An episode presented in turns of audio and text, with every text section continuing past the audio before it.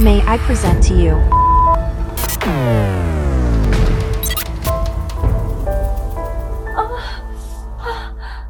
Oké, de middeleeuwen waren dus een relatief rustige tijd voor de prostitutie, zoals je vorige week hebt kunnen horen van professor Hamers.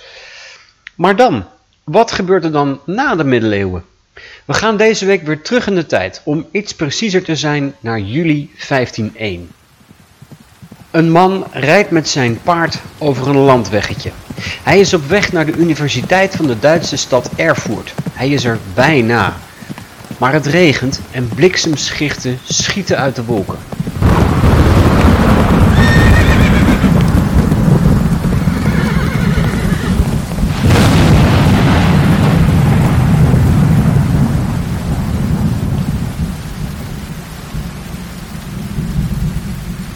Man kan nergens schuilen en hij is doodsbang. Hij bidt dat hij de storm mag overleven. Hij belooft dat als hij het overleeft, hij het klooster in zou gaan. De man overleeft de storm. En hij gaat, twee weken later, inderdaad het klooster in. De man is Maarten Luther.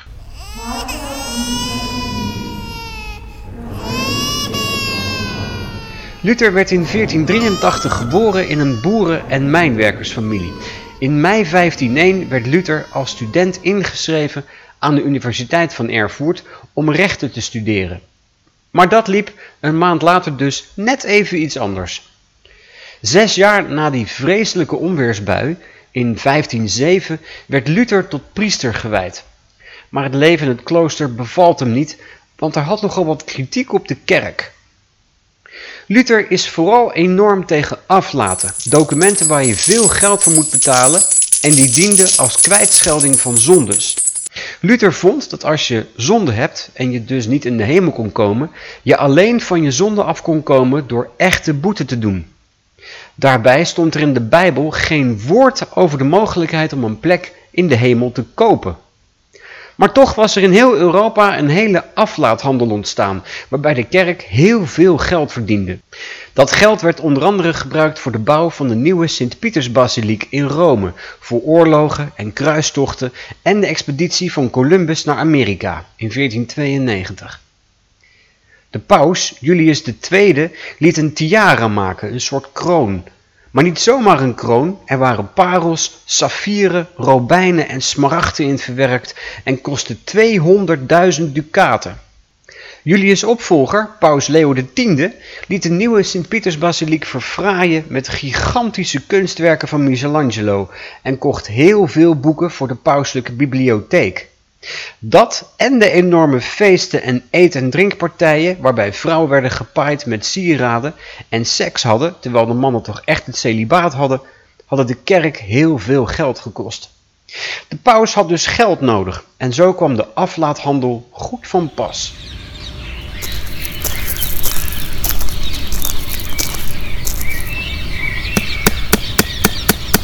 En zo kwam het dat Luther in 1517 in Wittenberg, een kleine stad in het midden van Duitsland, op de deur van een gloednieuwe kerk een brief spijkert op de houten deur. Een brief met 95 stellingen, zijn kritiek op de kerk. Luther kreeg in grote delen van Europa heel veel volgelingen, de Lutheranen. Ze noemen zichzelf aanhangers van het protestantisme. En niet alleen Luther en zijn volgelingen hebben kritiek op de kerk, ook Johannes Calvijn en de Calvinisten, wederdopers en anderen krijgen heel veel volgelingen. Ook koning Hendrik VIII van Engeland wendde zich af van Rome en stichtte de Anglikaanse kerk. In Wittenberg wordt in 1525 het kerkgebouw en het interieur door de Lutheranen kapotgeslagen. Het is de eerste beeldenstorm dat in 1566 nog een keer zou gebeuren. En zo ontstaat grofweg het protestantisme in Europa. Deze tijd heet ook wel de reformatie of hervorming. Of Maarten Luther ook echt zijn 95 stellingen aan de kerkdeur heeft vastgespijkerd, is hoogst onzeker. En of hij echt in een onweer gebeden heeft voor zijn leven, is maar de vraag. Feit is wel dat zijn stellingen het begin zijn geweest van een nieuw hoofdstuk in de geschiedenis, waarvan de prostitutie nog lang last heeft gehad.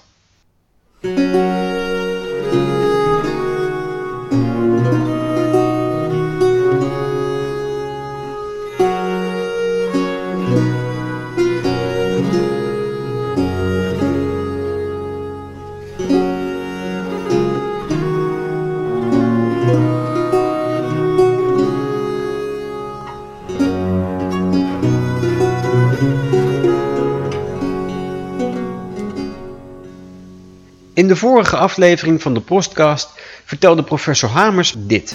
Nooit is uh, het verkopen van je lichaam eigenlijk strafbaar geweest. Dat, in, in die middeleeuwen is dat niet het geval. In de middeleeuwen mocht sekswerk wel. Het werd als een noodzakelijk kwaad gezien.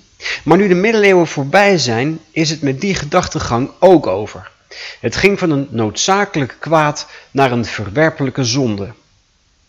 Daarnaast brak rond 1500 in heel Europa een syphilis-epidemie uit, een geslachtsziekte die in verband werd gebracht met seks en prostitutie. Het was een straf van God. Nou, dit hele verhaal heel kort samengevat.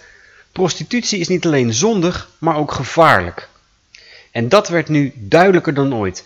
In vroeger tijden werden bordelen wel eens gesloten tijdens pestepidemieën, ook een straf van God.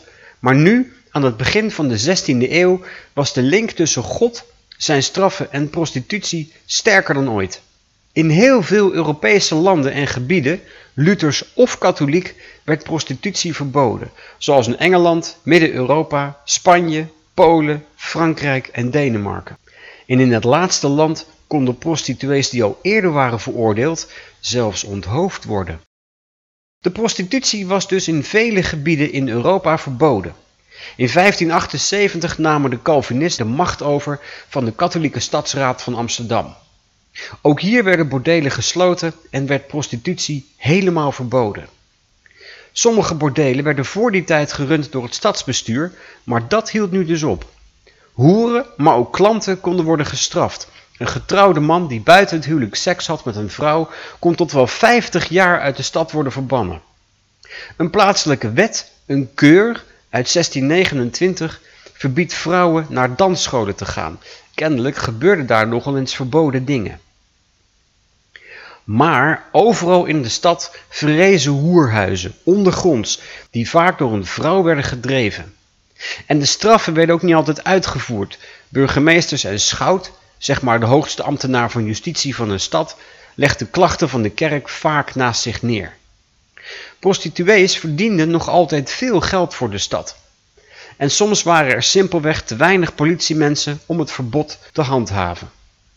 Gehuwde klanten werden wel vervolgd. Hun straf ging van een boete tot verlies van rechten en 50 jaar verbanning. Af en toe hield de politie een razzia aan de bordelen. Vrouwen die werden opgepakt konden worden opgesloten in het spinhuis, een gevangenis waar ze arbeid moesten verrichten. Zelfs een elfjarig meisje kreeg een spinhuisstraf, nadat ze was opgepakt wegens hoererij. Maar sowieso werd onkuisheid bestraft.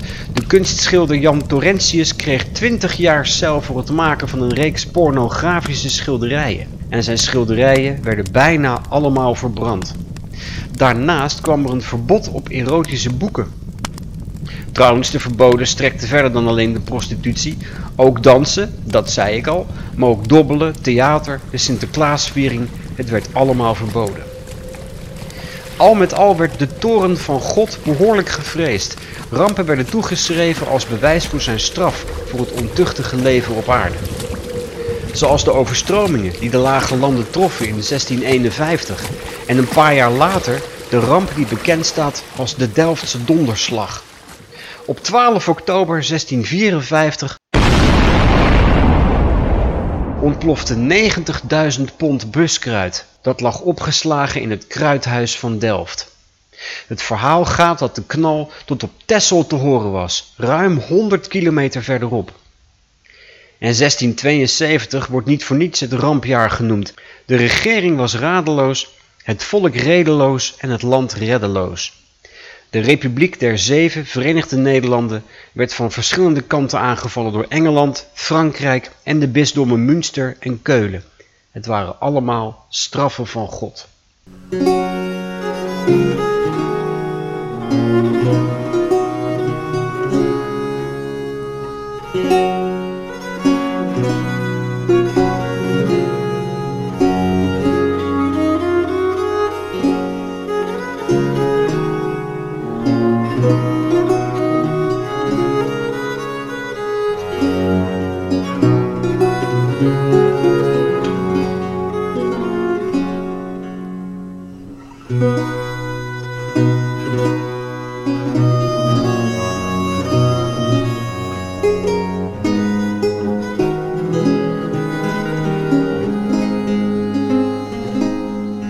Utrecht had ook een prostitutieverbod vanaf 1586.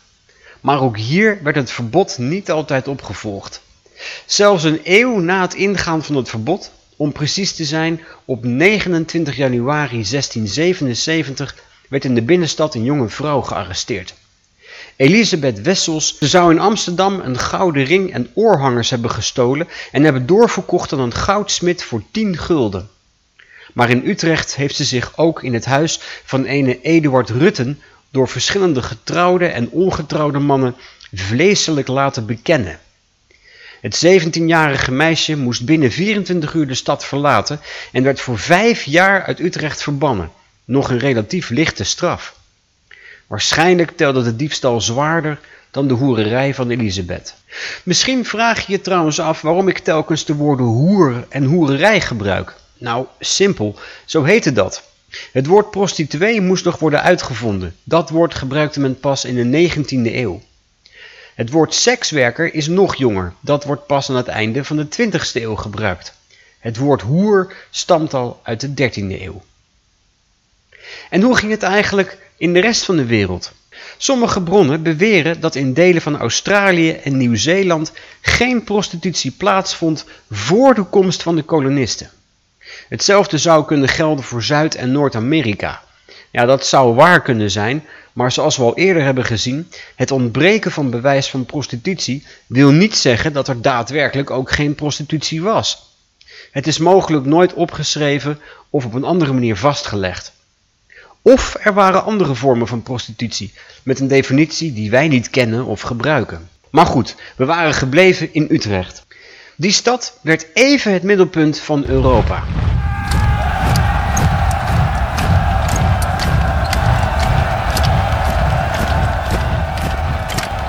Koning van Spanje was kinderloos gestorven en had dus geen troonopvolger.